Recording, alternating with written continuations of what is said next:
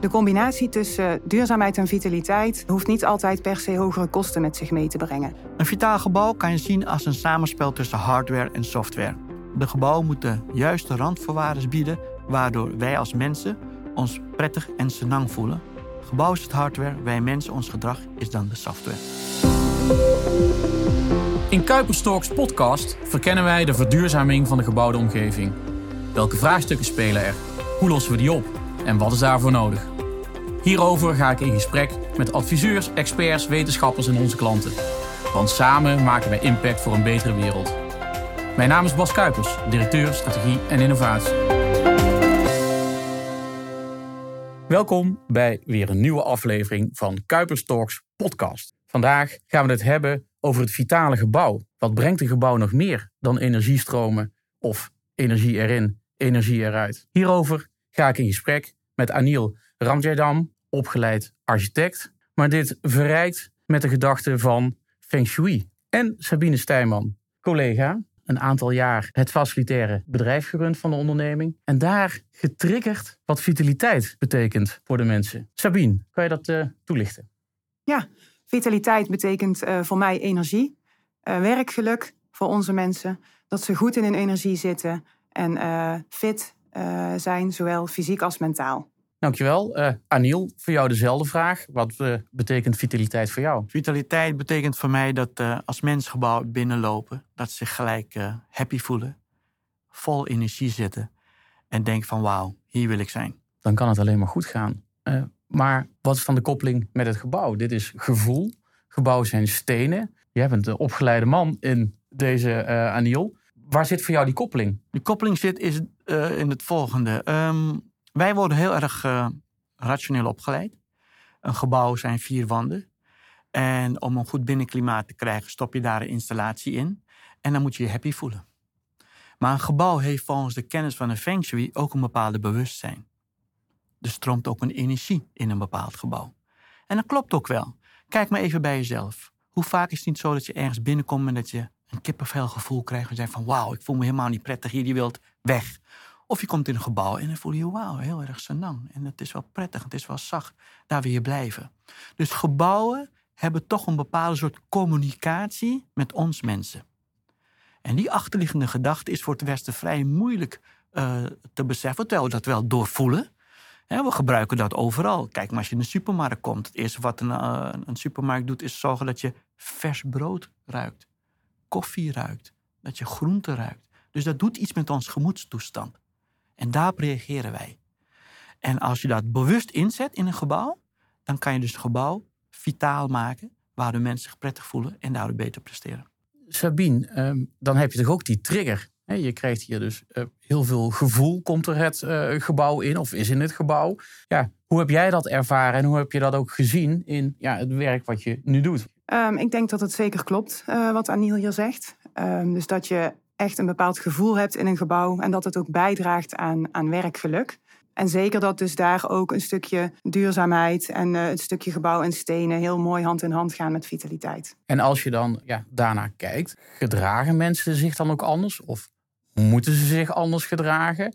Gebeurt dat vanzelf? Nou ja, ze moeten natuurlijk zich niet per se anders gedragen. Uh, er zijn ook wel eens mensen die praten uh, binnen het bedrijf over vitaal gedrag. Uh, daarbij stel ik ook altijd meteen de vraag van ja, wat bedoel je dan met vitaal gedrag? Wat is dat nou eigenlijk? Want ik denk dat vitaal gedrag voor iedereen anders is. Hoe jij in je energie zit, hoe jij je voelt, ehm, dat wordt beïnvloed door een aantal factoren. En die kunnen voor jou heel anders zijn dan bijvoorbeeld voor mij. Voor de ene collega werkt het om drie keer in de week fanatiek te gaan sporten om fit en vitaal te blijven en zich gelukkig te voelen. En voor de andere collega is het juist nodig om rust te nemen of om nieuwe dingen te leren en om op die manier goed in zijn energie te zitten. Dus ik praat eigenlijk nooit over vitaal gedrag. Maar als je kijkt naar hoe je, of als je graag wil dat je medewerkers zich richten op vitaliteit en echt goed kijken naar hun eigen vitaliteit en hoe zij dit kunnen verbeteren, dan zijn er wel wat factoren die daarbij belangrijk zijn, denk ik. Ja. En welke zijn dat dan? Ik denk met name voorbeeldgedrag. Ik zeg ook altijd tegen de mensen bij ons in de organisatie die een leidinggevende rol hebben: uh, let op, uh, de mensen doen niet wat jij zegt, maar de mensen doen wat jij doet. En uh, als je als leidinggevende en als management van een organisatie daar goed oog voor hebt en ook kritisch durft te kijken naar je eigen vitaliteit en naar hoe jij dat zelf kan ontwikkelen bij jezelf, dan inspireer je daarmee ook de medewerkers om je heen. En um, zijn zij ook veel eerder geneigd om iets aan hun vitaliteit te doen. Toen wij een aantal jaren geleden binnen het bedrijf begonnen om steeds meer aandacht uh, te geven aan dit thema, zijn we ook echt heel bewust bij de directie begonnen. En uh, hebben we daar ook eerst de vraag gesteld van durf jij kritisch te kijken naar je eigen vitaliteit en daar ook aan te werken? En pas toen dat het geval was, zijn we doorgegaan. Dus ik denk dat voorbeeldgedrag um, echt ondersteunt bij medewerkers in een stukje bewustzijn en ze inspireert om echt in actie te komen. Nou, dat vind ik wel mooi dat je dat op deze manier verwoordt. Want als ik dan kijk naar een pand en dan ga ik toch naar de architect, om het zo maar te zeggen. Ja, een pand is heel statisch. Daarmee krijg ik het gevoel dat doet wat het zegt. En uh, een voorbeeldgedrag van een steen, ik heb hem nog niet gezien. Maar ja, heel goed gezegd, eh, Bas. Kijk, uh, wat Sabine zegt is uh, 100% zoals het gaat in de praktijk. Maar je moet het zien als software, hardware. Het gebouw is je hardware en de mensen zijn de software. Het gedrag, het vitaal gedrag is je software. Maar als die hardware niet de randvoorwaarden biedt waardoor jij je vitaal gaat voelen, kost het jouw energie om vitaal te werken. dus die, dat gebouw moet de randvoorwaarden bieden dat wij mensen ons prettig, geborgen en veilig voelen. Dat is de reden dat we in gebouwen zijn gaan wonen.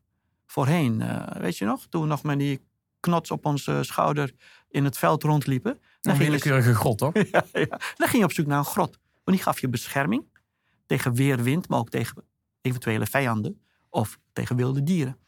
Nou, die oerinstincten in ons, die werken nog steeds zo. Als wij in een gebouw zitten wat helemaal uit glas bestaat, een doorkijkhuis, een aquarium, dan voelen wij ons niet veilig. Als jij een gebouw kan creëren wat je een veilig en geborgen gevoel geeft, dan ben je vanzelf ontspannen. Kijk maar naar hoe jouw gedrag is als jij in een leeg restaurant komt. Je komt binnen, je mag gaan zitten waar je zit. 9 van de 10 keer ga je zitten op een plek waar je rugdekking hebt en waar je dus de deur kan zien, naar buiten kan kijken, maar waar je in ieder geval een veilig en geborgen gevoel ervaart. Dat moet in een kantoorgebouw ook zo zijn. Als ik nu met het nieuwe werken, zeg maar, aan een langgerekte tafel ga zitten en achter mij lopen constant mensen langs, kan ik mij niet concentreren. Ga ik met mijn rug naar de wand zitten en ik kijk de ruimte in, dan kan ik me veel beter concentreren. Nou, dat zijn dus de randvoorwaarden wat onze oerinstincten beïnvloeden. En die gemeenschappelijke uh, factor, als dat in een gebouw zit, dan ga je naar die persoonlijke factor, en dat is waar Sabine het over heeft, vitaal gedrag. Dat is voor iedereen anders. Begrijp je dan ook goed dat het ook een beetje afhangt van de taken en de activiteiten uh, die je zeg maar uh, zelf moet uitvoeren die dag, of wil uitvoeren die dag, of mee bezig bent? Mm, nee, je moet het zo zien. Die randvoorwaarden is het gebouw. Moet je een veilig en geborgen gevoel geven. Dat is één. Dat is één. Twee, um, de energie in een gebouw. Energie in een gebouw, ja. Door een gebouw stroomt ook een bepaalde energie. Er komt energie in bij de ingang en er stroomt energie weg via ramen en deuren. Als je een doorkijkhuis hebt van glas, dan loopt de energie letterlijk weg. En als die wegloopt, dan voelen wij ons in een gebouw niet sanang, niet prettig. Als in een gebouw een geborgen en veilig gevoel kan zijn door een paar delen wat gewoon gesloten is, maar genoeg daglicht binnenkomt. Daglicht is heel belangrijk. Maar het allerbelangrijkste is gezonde, vitale binnenlucht. Hou je neus maar dicht. Na een paar minuten kom je in ademnood. Dus als je de lucht in een gebouw hoog vitaal is, dezelfde kwaliteit heeft als berglucht, boslucht, zeelucht, dan worden wij vitaal gevoed. ons systeem wordt gevoed door licht, door lucht, door water. Als die drie elementen goed zijn in een gebouw en je voelt je nog veilig en geborgen, dan kan je onwijs goed presteren. Maar als een gebouw een bedompte lucht heeft, weinig daglicht, dus geen zonlicht, hè, en, uh, zeg maar, en je dringt de hele dag door slecht water, dan moet jouw systeem heel hard werken om balans te maken. Dat kost energie. En als je die gedachte even uh, kan vasthouden, dus je hebt gebouwtje energie gaan geven, maar je hebt gebouwtje energie kost. En het heeft te maken dat jouw lichaam, jouw immuniteitssysteem, harder moet werken om balans te maken om je beter te voelen.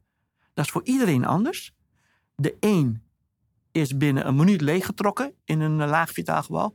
De andere heeft een dikke olifantenhuid. Die kan het veel langer volhouden. Dat is met concentratie precies zo. Dus elk mens is anders, maar onze oerinstincten geborgen en veilig gevoel krijgen, voor iedereen hetzelfde. Dan zie ik hier ook meteen een rol van techniek erin. Want ja, met de technische middelen die we kunnen hebben, uh, bedoel, uh, ja, elektriciteit is energie, dat uh, kunnen we buigen en laten lopen waar we willen. Hè, de luchtkwaliteit kunnen we beregelen. Nou ja, bij de bakker, um, volgens mij ook uren nadat hij zijn brood heeft gebakken, ruikt het er nog steeds naar, of in de supermarkt. Waar zie je dan ook nog verschillen tussen ja, het menselijk brein voor de gek houden dan wel dat je er echt heel goed naar kijkt. Je kan die kwaliteiten van hoog energetische binnenlucht kan je ook in een gebouw creëren. Door waterelementen te plaatsen, door veel groen aan te brengen, door veel daglicht, zonlicht daar te hebben. En uh, daar komen we dus steeds meer achter dat die natuurlijke omgeving zo natuurlijk mogelijk moet worden nagebootst. Maar je gaat er nooit 100% kunnen hebben. Anders moet je inderdaad in het bos gaan zitten. Weet je, dus in een gebouw waar je in een gesloten omgeving zit, waar je afgesloten bent van de natuurlijke buitenomgeving, ga je dus die natuurlijke invloeden zoveel mogelijk kopiëren. Dan voelen wij ons mensen vanuit ons oerinstinct al een stuk prettiger. En daarna is het weer de persoonlijke geaardheid, dat is dan weer de specialiteit van de Sabine, om dus die vitaliteit bij de mensen verder naar boven te brengen. Maar die randvoorwaarden, veilig geborgen gevoel met gezonde lucht, gezond licht, daglicht en gezond water drinken en gezond eten gebruiken. Dat is de basis wat in een gebouw altijd goed moet zijn. Ja, want Sabine, jij uh, hebt die ervaringen. Uh, enerzijds vanuit die verschillende soorten gebouwen. Hè, met jouw absolute nou ja, voorliefde voor uh, de vitale mens die daarin rondloopt. Wat heb jij daar dan in gemerkt? En, en zie jij verschillen ook binnen een organisatie? wat de invloed is van een hoog energetisch of energiegevend gebouw of het ombreken daarvan? Uh, ja, ik denk dat je uh, zeker wel kunt stellen dat vitaliteit en duurzaamheid um, elkaar ondersteunen en zelfs versterken, hand in hand gaan. Um, een mooi voorbeeld is ons gebouw in Den Bosch natuurlijk. Um, leg even uit, ons gebouw in Den Bosch. Ja, en, we hebben een kantoorpand van de Kuipers in Den Bosch helemaal verbouwd onlangs. en daar echt mooie duurzame elementen toegepast. En wat ik zie is dat als medewerkers mogen werken en kunnen werken in een gebouw wat um, duurzaam ontworpen en ook gerealiseerd is, dat dat echt iets bijdraagt aan het werkgeluk. Om mij heen hoor ik steeds meer um, bewustzijn en steeds meer mensen die zeggen dat ze ook echt bezig zijn met wat er allemaal gebeurt met de aarde. En hoe kunnen wij ervoor zorgen dat we daar zuinig op zijn? En hoe kunnen wij ervoor zorgen dat onze kinderen ook weer fijn op deze aarde kunnen leven? Dus echt ook gericht op de volgende generaties. Ik merk dat collega's en mensen om mij heen zich daar steeds bewuster van zijn en daar ook ehm, het belang van inzien. En dus zich ook fijner voelen als ze mogen werken in een gebouw waar daar rekening mee is gehouden. Dat zorgt toch voor een stukje trots, voor een stukje fijn gevoel en dus wat meer werkgeluk. En als je dan in je gebouw ook nog rekening kan houden met het gebruik van materialen, duurzame materialen, veel groen, um, verschillende werkvormen hè, voor verschillende werkzaamheden, um, dan denk ik dat je op een hele goede weg bent uh, om uh, te ondersteunen in het werkgeluk van medewerkers. En dat dat dus heel mooi samen kan komen.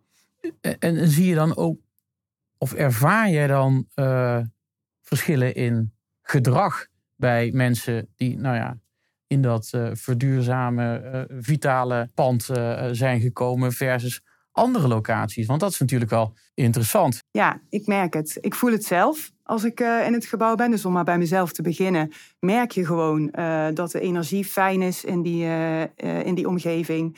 Um, dat mensen elkaar makkelijker opzoeken. Uh, waar we voorheen zagen dat iedereen in de pauze een beetje op zijn werkplek bleef zitten, merk je nu dat mensen uh, verbinding met elkaar zoeken, samenkomen op uh, bepaalde plekken om daar met elkaar te spreken of samen te lunchen.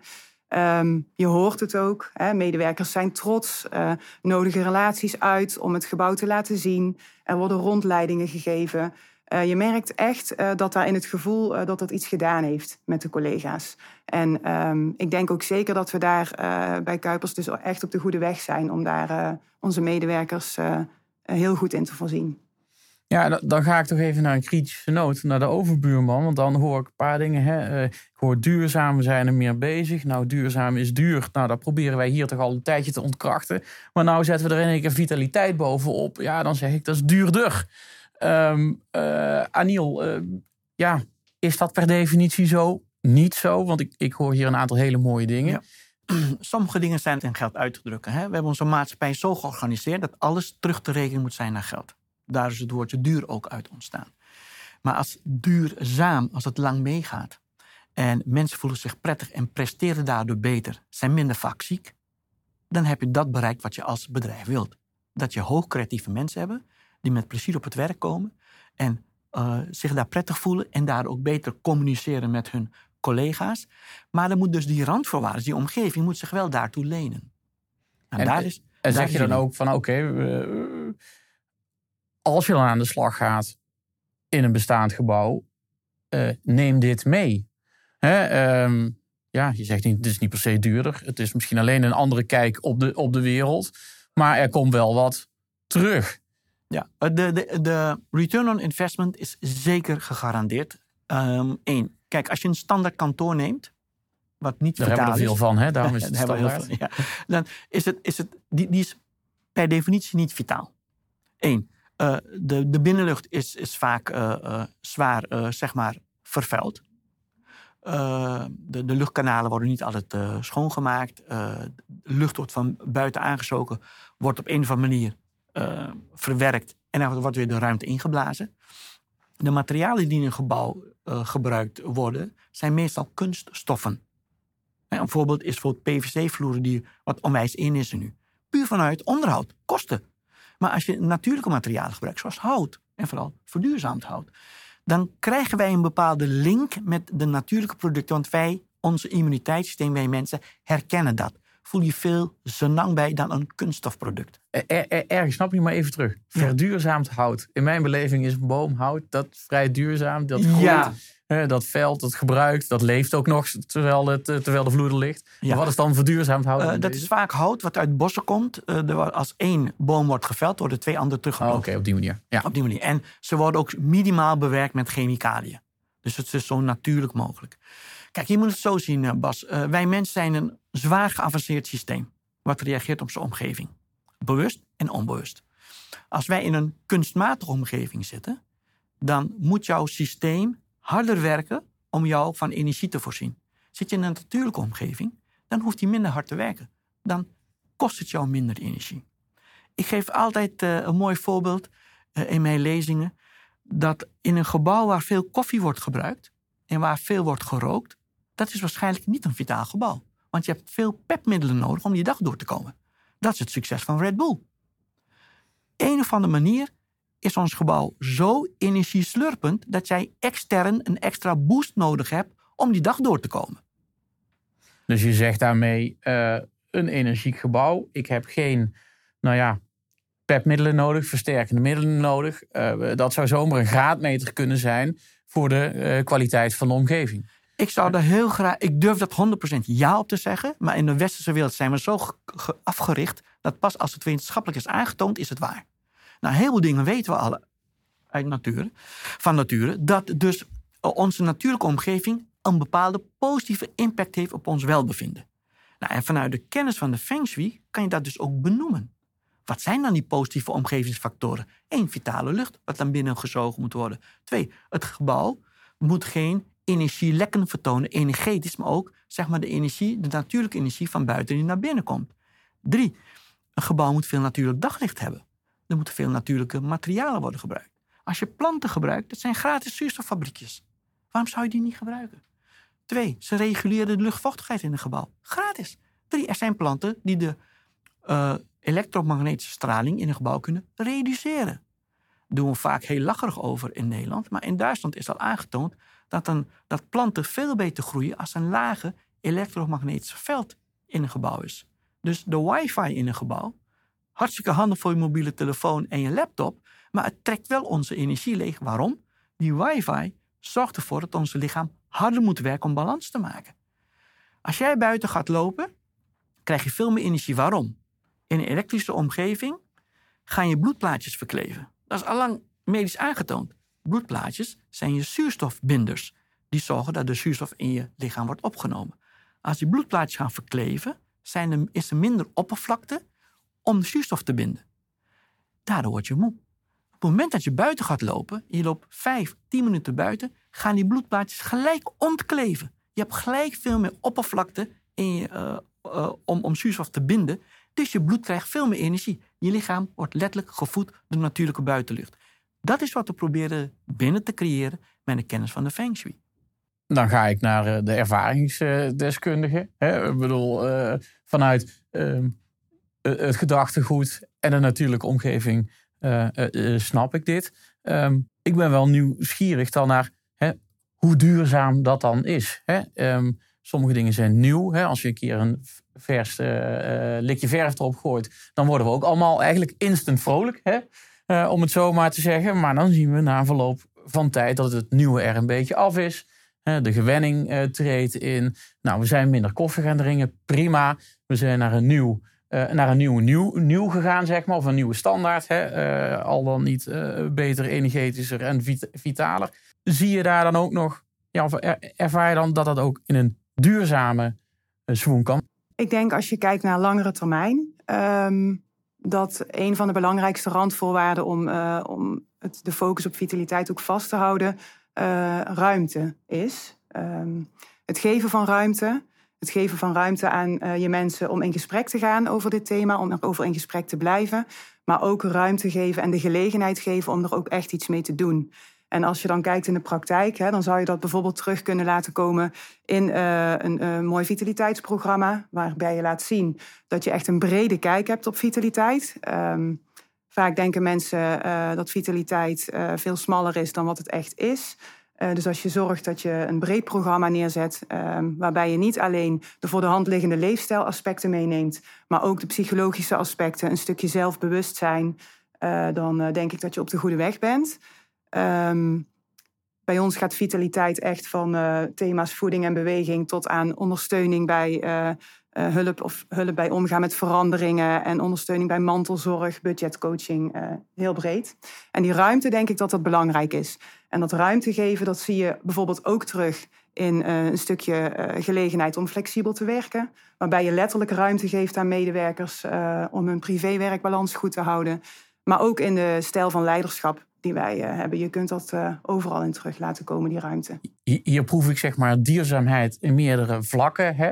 En als we kijken naar de technisch dienstverlener, ja, die, die we dan zelf zijn, midden in de uh, energietransitie, 2023 leven we in, is dit een duidelijk nieuwe dimensie die we hier aan toevoegen. Hè? Dus we zijn niet alleen in de fossiele brandstof energietransitie, maar volgens mij ook in een mentale energie uh, transitie.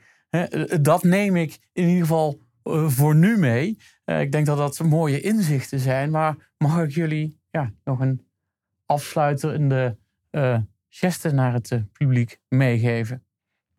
Ja, nou, um, wat ik mee wil geven is: kijk naar je leef- en werkomgeving. Zorg dat daar een vitale omgeving creëert waar je je prettig, geborgen en veilig voelt. Veel daglicht, veel um, uh, natuurlijk daglicht, maar ook uh, gezonde, gezonde levensstijl. En daarnaast natuurlijk gedrag. Er is niks vervelender als je na een tijdje gaat, uh, dingen gaan inslijten en dat het normaal wordt. En dan heb je dus vitaliteitcoaches als Sabine nodig, die je even herinneren van waar, waarom deed het ook alweer. Nou, en, en, en ik denk dat die wisselwerking van een vitale omgeving, maar ook vitaal gedrag, met een coach erbij, dat dat de beste resultaten levert. Dankjewel, Aniel. Uh, en ik zou willen zeggen, um, ja, blijf uh, allemaal gefocust ook op vitaliteit. En kijk gewoon daarin ook naar je leefomgeving. En uh, de koppeling met een, een stukje duurzaamheid is, is zo gemaakt. Nou ja, Sabine, Aniel, dankjewel voor deze andere kijk op energie in een gebouw. Hè, dat het energie kan geven in plaats van alleen maar nemen. En laten we dan voor die dubbele energietransitie gaan enerzijds zorgen voor duurzame opwekking en gebruik en herwinning, maar denk vooral ook aan de energie van jezelf. Dank jullie hartelijk. Dank jullie wel, uh, luisteraars. En uh, tot een volgende aflevering.